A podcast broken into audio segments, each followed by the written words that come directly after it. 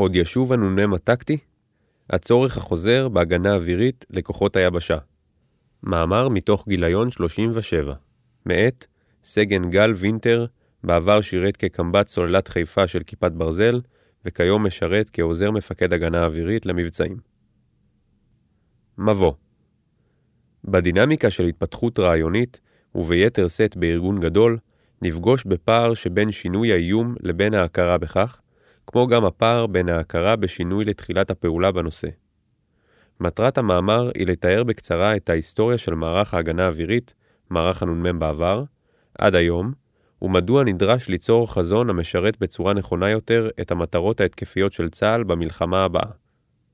ראשית, יתואר כיצד הוקם ועוצב מערך הנ"מ כמערך טקטי, הפועל כחלק מקרב היבשה, והשפעתו על פיתוח מערכות הנשק והרלוונטיות שלו במהלך השנים, והשינוי הדרמטי שעבר מערך זה לצורכי הגנה על העורף האזרחי והצבאי.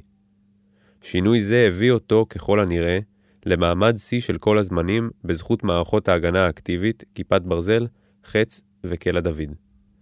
לאחר מכן, התמקד המאמר במה שניתן ללמוד מן המלחמות בבלקן, נגורנו קרבאח, ובפלישת רוסיה לאוקראינה, אשר מהוות כיום את המלחמות המודרניות הבודדות, בהן מופעלים צבאות בהיקפים גדולים, והמסקנות שניתן להסיק מהן לצורכי צה"ל. מנ"מ להגנה אווירית ב-27 בספטמבר 1962 אישר הממשל האמריקני את מכירת צוללות טילי הוק לישראל. שני חילות, התותחנים והאוויר, דרשו להעביר את צוללות ההוק לשליטתן. חיל התותחנים, שגדודי הנ"מ הקני היו במסגרתו, ראה בטילי ההוק עוד מערכת נ"מ. גם בצבאות אחרים טענו בתותחנים, שייך ההוק לכוחות היבשה. חיל האוויר טען שהשליטה על שיגור הטילים צריכה להיות בידי יחידות הבקרה האוויריות, שכן בניגוד לחיל התותחנים, היה ברשותו מערך תחזוקה שיכול לספק את צורכי סוללות ההוק. טיעון נוסף שהעלה חיל האוויר, היה שההוק היה אז נשק הנ"מ הטוב בעולם, אך לירי בטווחים קצרים להגנת בסיסי חיל האוויר, להגנת הכור בדימונה, וכדי להגן על סוללות ההוק עצמן נדרש תותח טוב יותר, מדויק בהרבה, בעל טווח אש גבוה יחסית, ובעל אפשרות פעולה בחשיכה. המאבק על העברת מערך הנ"מ מחיל התותחנים לחיל האוויר הוכרע ב-1970.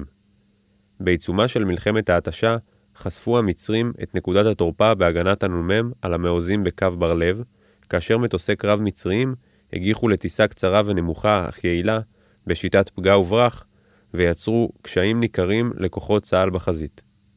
טילי ההוק לא הספיקו ליירט את המטוסים, ואילו תותחי ה-40 מילימטר הוצבו במרחק רב מדי. בחיל האוויר החליטו לנקוט יוזמה. על גבי משוריינים רוסיים שהיו בבסיסי חיל האוויר, הורכבו צריכים של זחל"מים, ועליהם הותקנו תותחי נ"מ דו-קניים 20 מילימטר, שפורקו מהמטוסים השונים. בתוך שלושה חודשים הוכנסה לשימוש מבצעי הסוללה הראשונה של תותח הנ"מ 20 מילימטר, המתנייע הראשון בצה"ל. בין מפקד חיל האוויר, האלוף מוטי הוד, ובין מפקד חיל התותחנים, תת-אלוף ישראל בן אמיתי, פרצה מחלוקת בעניין השליטה על כוח הנ"מ המתנייע. הרמטכ"ל חיים בר-לב הכריע, ובפברואר 1971 פרסם פקודת יום על העברת מערך הנ"מ לאחריות חיל האוויר. מלחמת יום הכיפורים ב-1973 הגדירה מחדש את מעמדו של מערך הנ"מ הטקטי של צה"ל. בשלושת הימים הראשונים, כאשר חיל האוויר איבד יותר מ-50 מטוסי קרב, הפילו כוחות הנ"מ שליש מההפלות של מטוסי קרב מצריים וסוריים, בין 60 ל-80 מטוסים ומסוקים וכחמישה טילים מצריים. ברכבת האווירית ששלחה ארצות הברית לישראל בזמן המלחמה, שכללה משלוחי מערכות אמל"ח ותחמושת, הגיעו בין היתר הצ'פרל, גרסה קרקעית של טילי אוויר-אוויר סיידוויינדר. וגם תותחי הוולקן הראשונים, מונחי מכ"ם בקוטר 20 מילימטר, בעלי קצב אש של 3,000 פגזים בדקה, הנורים דרך שישה קנים מסתובבים. הוולקן הופעל באופן משמעותי במלחמת לבנון. התותח הנ"מ המתנייע היה לה רכיב חשוב בצוותי הקרב החטיבתיים, ונמצא לא פעם בחוד הכוחות שלחמו בלבנון, בין היתר בקרבות ברחובות ביירות. למען אמצע שנות ה-80 עלה הצורך במערך הנ"מ להצטייד בטיל כתף נ"מ אישי ישראלי, שיבוסס על שיגור באמצעות קרן לייזר, ויהיה בעל ראש קרב דו-תכליתי נגד מטוסים. בה בעת עלתה קרנו של הסטינגר, טיל הנ"מ האישי האמריקני. חודשים אחדים לפני פרוץ מלחמת המפרץ, בינואר 1991, נקלטו במערך הנ"מ טילי הסטינגר הראשונים. עם השנים ושינוי האיומים על מדינת ישראל, היו כוחות הנ"מ ערוכים בחזית הסורית ככוחות נ"מ טקטי, ככלי עזר לכוחות היבשה בתחום ההגנה האווירית, בעיקר כנגד מסוקים עמוסי כוחות קומנדו או המיגים של חיל האוויר הסורי. בזמן ההמתנה ללחימה בחזית הסורית, ותוך שמירה על מעמד אנשי המערך כלוחמים, עיקר עבודת מערך הנ"מ הייתה בעיקרה בפעולות ביטחון שוטף בשטחי יהודה ושומרון. בתחילת שנות האלפיים, כחלק מהקיצוצים השונים בצה"ל וירידת האיום המדינתי, נסגרו סוללות הדרקון והמחבט, ויצאו מכלל סד"כ הנ"מ זה לאחר זה, בעיקר בעקבות טענה חוזרת כי הן אינן עוד רלוונטיות לשדה הקרב העתידי. מלחמת לבנון השנייה, בה כוחות הנ"מ לא היו שותפים כלל לתמרון הקרקעי או למהלכי העיקריים, גרמו להבנה עמוקה כי נמצא במערכות ההגנה האקטיבית אשר נמצאות בתכנון ובפיתוח מואץ, לאחר מסקנות המלחמה במערך הנ"מ ובחיל האוויר. ב-2009 הוחלט על הסבת גדוד הנ"מ הטקטי האחרון לגדוד כיפת ברזל. ב-2012 נסגרו כלל יחידות הנ"מ הטקטי האחרונות של צה"ל. הבנה עמוקה ומפוקחת של השינויים האלה הובילה את מערך ההגנה האווירית לקיים תהליך חשיבה אסטרטגי שזכה לכינוי מעצבים את העתיד. התהליך, שהצביע על הצורך בשינוי ועל דרכי הפעולה למימושו, החל במסמך מפקד שמגדיר את חזון הארגון ואת כיווני הפעולה הנדרשים לעתיד. בהמשך התקיים שיח עמוק ומשתף של כלל דרגי הפיקוד אשר נמשך כמה חודשים, ומטרתו הייתה לשמר את הרלוונטיות של המערך לסביבת הפעולה המשתנה, ולנתח את הפעולות הנדרשות כדי להתאימו לאתגרי העתיד ולמצות את כוחו ביעילות. ההחלטות שהתקבלו בעקבות תהליך מעצבים את העתיד הביאו לשינוי עמוק, ולמעשה למהפך, באופן שבו פועל מערך ההגנה האווירית החדש, אשר מרכז הכובד שלו יופעל לצורך חירות תמ"ס וכטמ"ם. בין השנים 2011 ל-2022 לקח מערך ההגנה האווירית חלק בפעילות מבצעית ענפה, שכללה הגנה על עורף מפני איומי תמ"ס וכטמ"ם, וביצע עד כאלפי יירוטי טילים ורקטות, ופיתח יכולות התמודדות פורצות דרך אל מול הכטמ"מים, אשר הנפוצות שלהם במזרח התיכון גוברת משנה לשנה. בשנים בודדות, מערך ההגנה האווירית הישראלי רכש מוניטין בינלאומי וניסיון מבצעי שאינו קיים בשום מדינה אחרת בעולם. יכולות עירות אלו סיפקו אורך נשימה לעורף האזרחי במהלך סבבי הלחימה כנגד רצועת עזה. העובדה שכל ארגון טרור יכול לפתח או לקנות ולהפעיל כטמ"מים רבים, מציבה בפני ישראל איום אסטרטגי מפני היותם אמצעי לחימה מדויקים. לכן, ישנה חשיבות גדולה למערך ההגנה האווירית, חשיבות גדולה בהקשר לאופן שבו צה"ל נבנה בשנים הבאות. עם זאת, מערכות ההגנה האווירית עדיין משמשות ככלי עורפי בלבד. אם בעבר, בתקופת הנ"מ, נדרש המערך להגן על כוחות היבשה המתמרנים, הרי שעתה, ייעודן של הסוללות הוא משימת העירות וההגנה על העורף, מתוך הבנה כי ההגנה האווירית נועדה לשמירת הרציפות התפקודית של נכסים חיוניים בעורף, מרכזי פוש, שיאפשרו למאמץ העיקרי במלחמה לתפקד. עם המהפך שנוצר במשימת ההגנה האקטיבית, גבר הניתוק של מערכות ההגנה האווירית מצבא היבשה, וכיום החיבור העיקרי מורגש בעיקר בתיאומים של שטחי פריסה באזורים בהם נמצאים ריכוזי כוחות של זרוע היבשה, הכוללים פריסת מערכות ההגנה האווירית, אל תוך בסיסי צה"ל לטובת ייעול המאמץ הלוגיסטי של הסוללות השונות. עמוד ענן, צוק איתן, שומר החומות ועלות השחר היו מבצעים מוגבלים שעיקרם הפעלת אש מנגד, בצוק איתן היה גם תמרון מוגבל להשמדת מנהרות בשטח הרצועה. ארגוני הטרור שברצועת עזה שיגרו רקטות ומערך ההגנה האווירית יירט אותן, במקביל צה"ל חשף מטרות ותקף אותן בעיקר מהאוויר. בלחימה ברצועת עזה, שהינה הניסיון העיקרי של מערכות ההגנה האקטיבית כיום, אנחנו נהנים מיכולות הגנה על העורף מקסימליות, ובשימוש כמעט אזרחי למערכות ההגנה האווירית, כמעט כאילו היה מדובר בעוד תוספת להתרעת צבע אדום שמגיעה עם שיגור הרקטה. בחזית הצפונית, לעומת זאת, היקף החימושים גדול בהיקפו וקטלני בטיבו מהזירה הדרומית. מערכות ההגנה האווירית יכולות להיות מנוצלות בחלקן למשימות נוספות בהתאם לתוכניותיו ההתקפיות של צה"ל, כמו שנכתב בתחילת מאמר זה, חלק ממהות ההגנה הינה יצירת תנאים להתקפה בשטח האויב.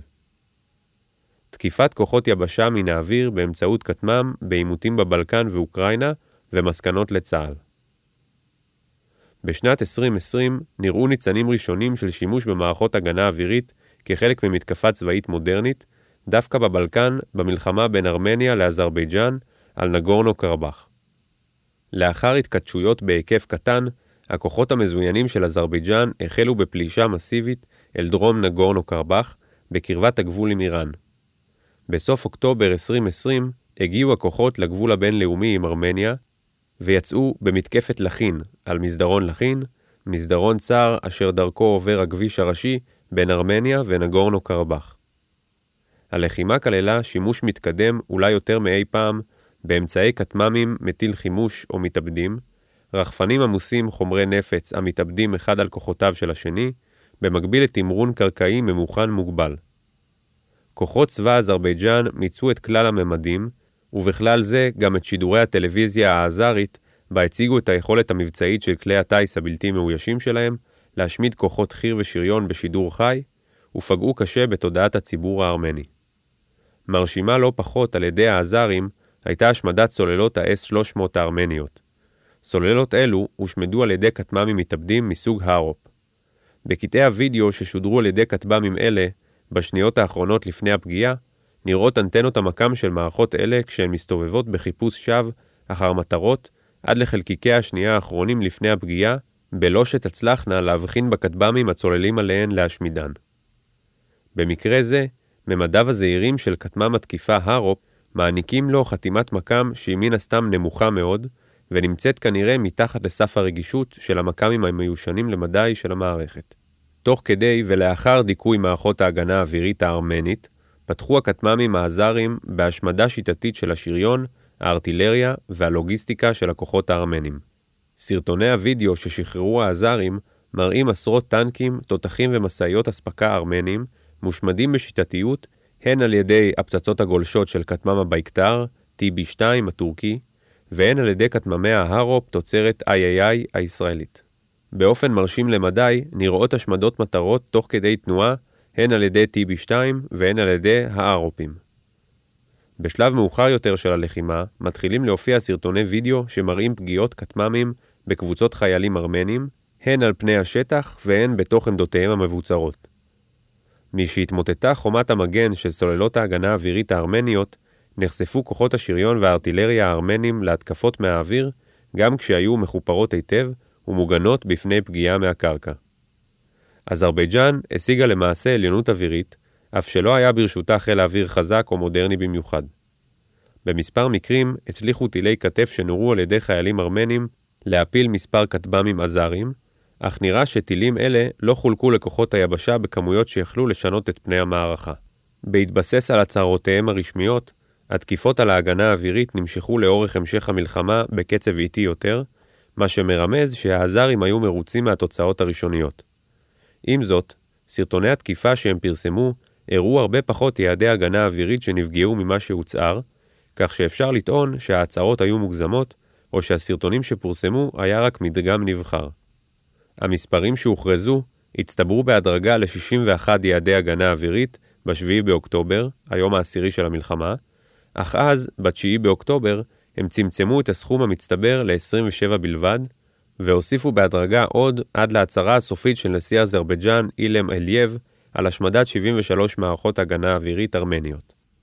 הצבא הארמני אף טען כי רוב ההצלחות ההגנה האווירית התבצעו על ידי מערכות תור הטקטיות, ולא על ידי טילי הכתף כנגד מטוסים, אשר יכולותיהם ליירט כטמ"מים מסוג BT-12 התגלתה כמוגבלת. רק כשליש מסוללות ההגנה האווירית הארמניות נותרו בתום הלחימה.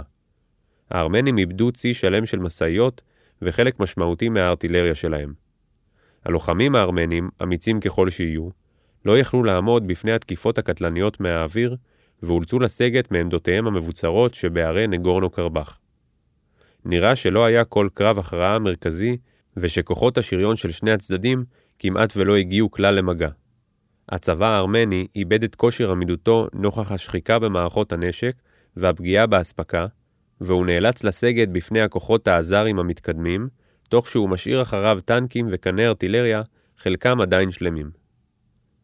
כשנתיים לאחר מכן, הופעלו יכולות מתקדמות יותר מאלו שנראו בבלקן בלחימה בין רוסיה לאוקראינה, ב-24 בפברואר 2022, פלש הצבא הרוסי לאוקראינה.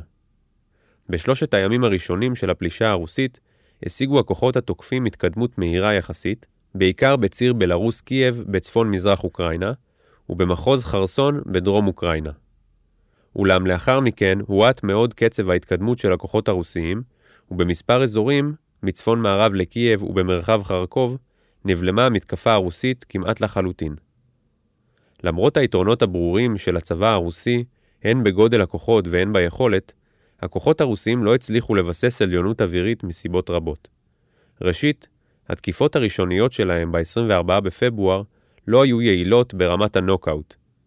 תקיפות האוויר והטילים נפרסו על כל רחבי המדינה ולא התמקדו במטרות ספציפיות, ההגנה האווירית האוקראינית בעקבות כך הצליחה לפעול באופן מלא שהסב אבדות גדולות לרוסים. שנית, להשפעות הלא קינטיות של רוסיה הייתה השפעה מוגבלת לצד התקיפות הקינטיות.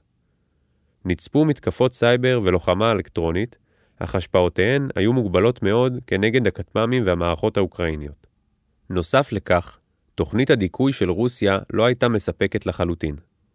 התקפות האוויר והטילים הרוסיות כוונו למעשה בעיקר לשדות תעופה צבאיים אוקראינים, אך לזו לא הייתה אפקטיביות במידה רבה, הצבא הרוסי לא הצליח להשבית את המסלולים לזמן ממושך, ולא השמידו מספיק מטוסי קרב על הקרקע כדי למנוע הגנה אוקראינית יעילה. נראה שהמענה הרוסי להתמודדות עם מערכות הכטמ"מים של צבא אוקראינה היה חסר, ומערכות אלו גבו מחיר הרסני מכוחות הקרקע הרוסיים. הגורם החוזר בלחימה זו הוא אחד. כוחות רוסיים לא הצליחו לבצע מהלכים של עריפה ולפגוע בבכירי הדרג המדיני והצבאי האוקראיני, או לחלופין, לעוור ו/או לשתק את הכטמ"מים האוקראינים. כיוון שכך, הכטמ"מים האוקראינים פעלו ביכולת מלאה או קרובה לכך, והן הצליחו לגבות אבדות עצומות מהיום הראשון של הסכסוך. בראייה לעתיד, הצורך בהגנה האווירית לכוחות המתמרנים של צה"ל. המערכות בנגורנו קרבאח ובאוקראינה מאפשרות לצה"ל חלון הצצה למאפייני שדה הקרב החדש הבין-מדינתי, או לחלופין בין צבאות לארגונים סמי-צבאיים, החות'ים בתימן כמו חיזבאללה בלבנון. מלחמות אלו הראו שוב כי עליונות אווירית הינה תנאי הכרחי לניצחון בקרב היבשה, אך חשפו צורה חדשה של לחימה שהיא חסכונית יותר במשאבים ובאבדות של חיילים.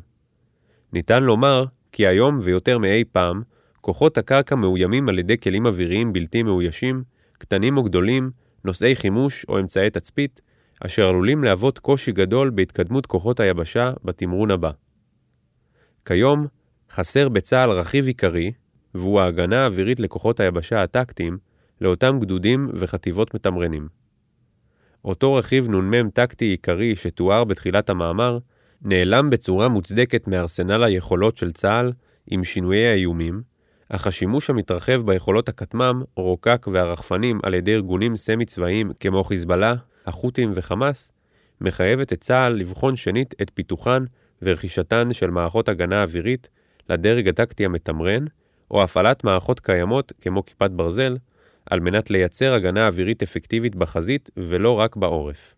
יתרה מכך, כוח הגנה אווירי טקטי שיהיה חלק מתפיסת הקרב המשולב והעברת המלחמה לשטח האויב, יוכל לסייע בתמרון הכוחות היבשה כחלק מהצק"ח הצה"לי. הדבר רלוונטי ונדרש יותר מתמיד לנוכח איומים אלו בחזיתות השונות. ממה שנראה במלחמות בבלקן או באוקראינה, המענה הנוכחי שקיים בחטיבות החי"ר בצבאות שונים בעולם, המבוסס על יכולות סייבר, חסר ואינו מהווה מענה שלם ומתאים כנגד הכטמ"מים. למעשה, גם בגבול הצפון בחודש פברואר 2022 הצליח לחדור כטמ"ם של ארגון חיזבאללה לשטח הארץ, תוך כך שהפעלת מערכות הל"א של צה"ל לא הצליחו לסייע בהפלתו. הן המודל הרוסי Battalion Tactical Group, BTG, והן מודל ABCT האמריקני, פותחו בשנים האחרונות מתוך שינוי ארגוני האומר כי הצבא עורך את עצמו למבצעי תמרון בהיקפים גדולים, וכי אנחנו נדרשים לצוותי קרב משולבים גמישים, שההבדל העיקרי ביניהם לבין צוות הקרב הצה"לי הוא שההקמה שלהם מתבצעת כיחידה אורגנית, כלומר צוות הקרב אינו מתגבש בשטחי הכינוס, אלא מתאמן וחי ביחד, גם בשגרה וגם בחירום, נוסף ללוגיסטיקה שלו.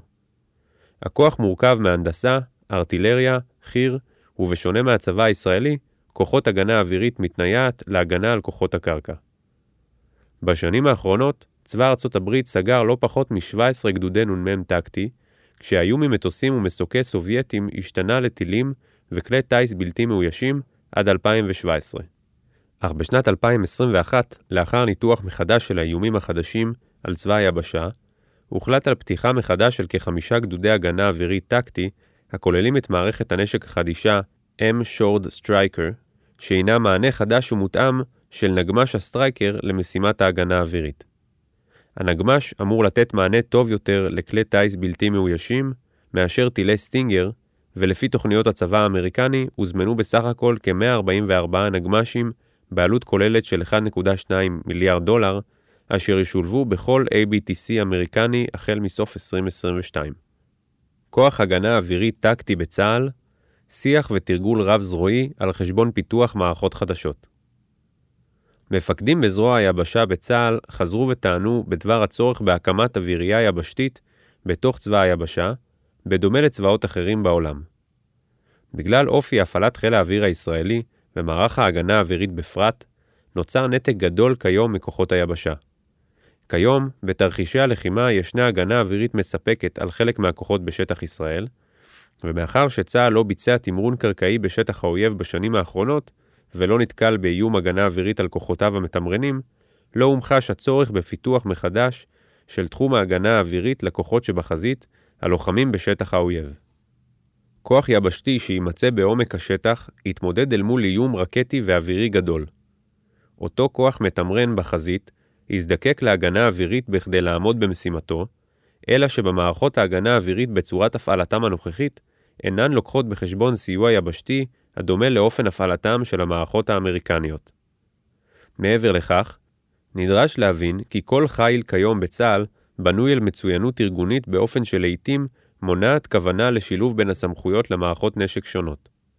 בתחילת שנות האלפיים, למשל, נטען שמערכת הוולקן צריכה להיות אמל"ח שיופעל בסמכות מפקד האוגדה בלחימה, והוחלט להשאירה בחיל האוויר. דוגמה אחרת היא ההתנגדות המתמדת של חיל האוויר בהצטיידות רוכב שמיים, הכטמ"ם הנוכחי של זרוע היבשה. הטיעון לגבי הצורך לשלוט בכוחות הפועלים במקביל בממד האווירי ולגבי הצורך במקצועיות קונקרטית לממד הזה, הוא משמעותי. משמעותי יותר הוא היעדר אילוץ חיצוני חזק, כמו התחרות בעולם העסקי, שיאלץ גופים נפרדים לוותר על הבלעדיות המסורתית שלהם. התגובה של הזרועות הנפרדות ללחצים המבצעיים המחייבים שילוב טוב יותר, היא שילוב טוב יותר. אלא שלחיבור ארעי ואד הוק בין גופים שונים, ישנה תקרת זכוכית של אפקטיביות מבצעית. חיל האוויר אינו מעוניין לשתף את בלעדיות השליטה שלו וצורת הפעלת האמל"ח שלו עם שום גורם אחר, ובוודאי שלא יאפשר למפקדי יבשה לקבוע מדיניות ביחס למערכות הגנה אווירית. כך יכול להיווצר נתק במיצוי הפעלת האמל"ח בהתאם לצורך זרוע היבשה. אמנם מתקיים שיח בין-זרועי רב על נושא ניהול הרוקק הישראלי הכחול, ויש התקדמות רבה בתחום הקצאת מטוסי קרב לחטיבות בשטח, אך בכל האמור בתחום הגנה אווירית לכוחות היבשה, השיח הבין-זרועי הלך ונעלם עם השנים, ויש לחדש אותו לאחר שלא עסקו בכך זמן רב. סיכום אם תפרוץ מלחמה בצפון, ואם צה"ל אכן יתמרן לעומק, יידרש מערך ההגנה האווירית בצורתו הקיימת להגמיש את עצמו באופן משמעותי לחיבור אד הוק לאנשי היבשה וליצור יכולות פריסה בעומק לטובת הגנה על הכוחות. אפשרות חלופית היא שזרוע היבשה תפתח או תרכוש מענה הגנה אווירית לכוחותיה, מפני איום מסיבי של תמ"ס, כטמ"ם, רקק ותקק בשטחי התמרון. תקרת הזכוכית העורפית שנוצרה למערך ההגנה האווירית בבנייתו המחודשת בעשור האחרון, מקשה על ראייה רחבה הכוללת את רכיב ההגנה האווירית לכוחות המתמרנים, אשר חסר במודל צוות הקרב הצה"לי. צה"ל נדרש ליכולות הגנה אווירית על הכוחות, שונה מזו שניתנה בעבר נגד מטוסים ומסוקים, אך נרחבת יותר וצמודה יותר. אי לכך, נדרש צה"ל לקבוע האם מערך ההגנה האווירית כחלק מחיל האוויר יחזור להגן על הכוחות המתמרנים, ואם לאו. כך או כך, נדרשת בניית יכולת מחודשת של רכיב הגנה אווירי המשתלב ביחידות היבשה, או לחלופין, לתת לזרוע היבשה את האחריות המוחלטת לפתח מערכות הגנה לכוחות, להקים יחידות בתחום זה ולהפעילן.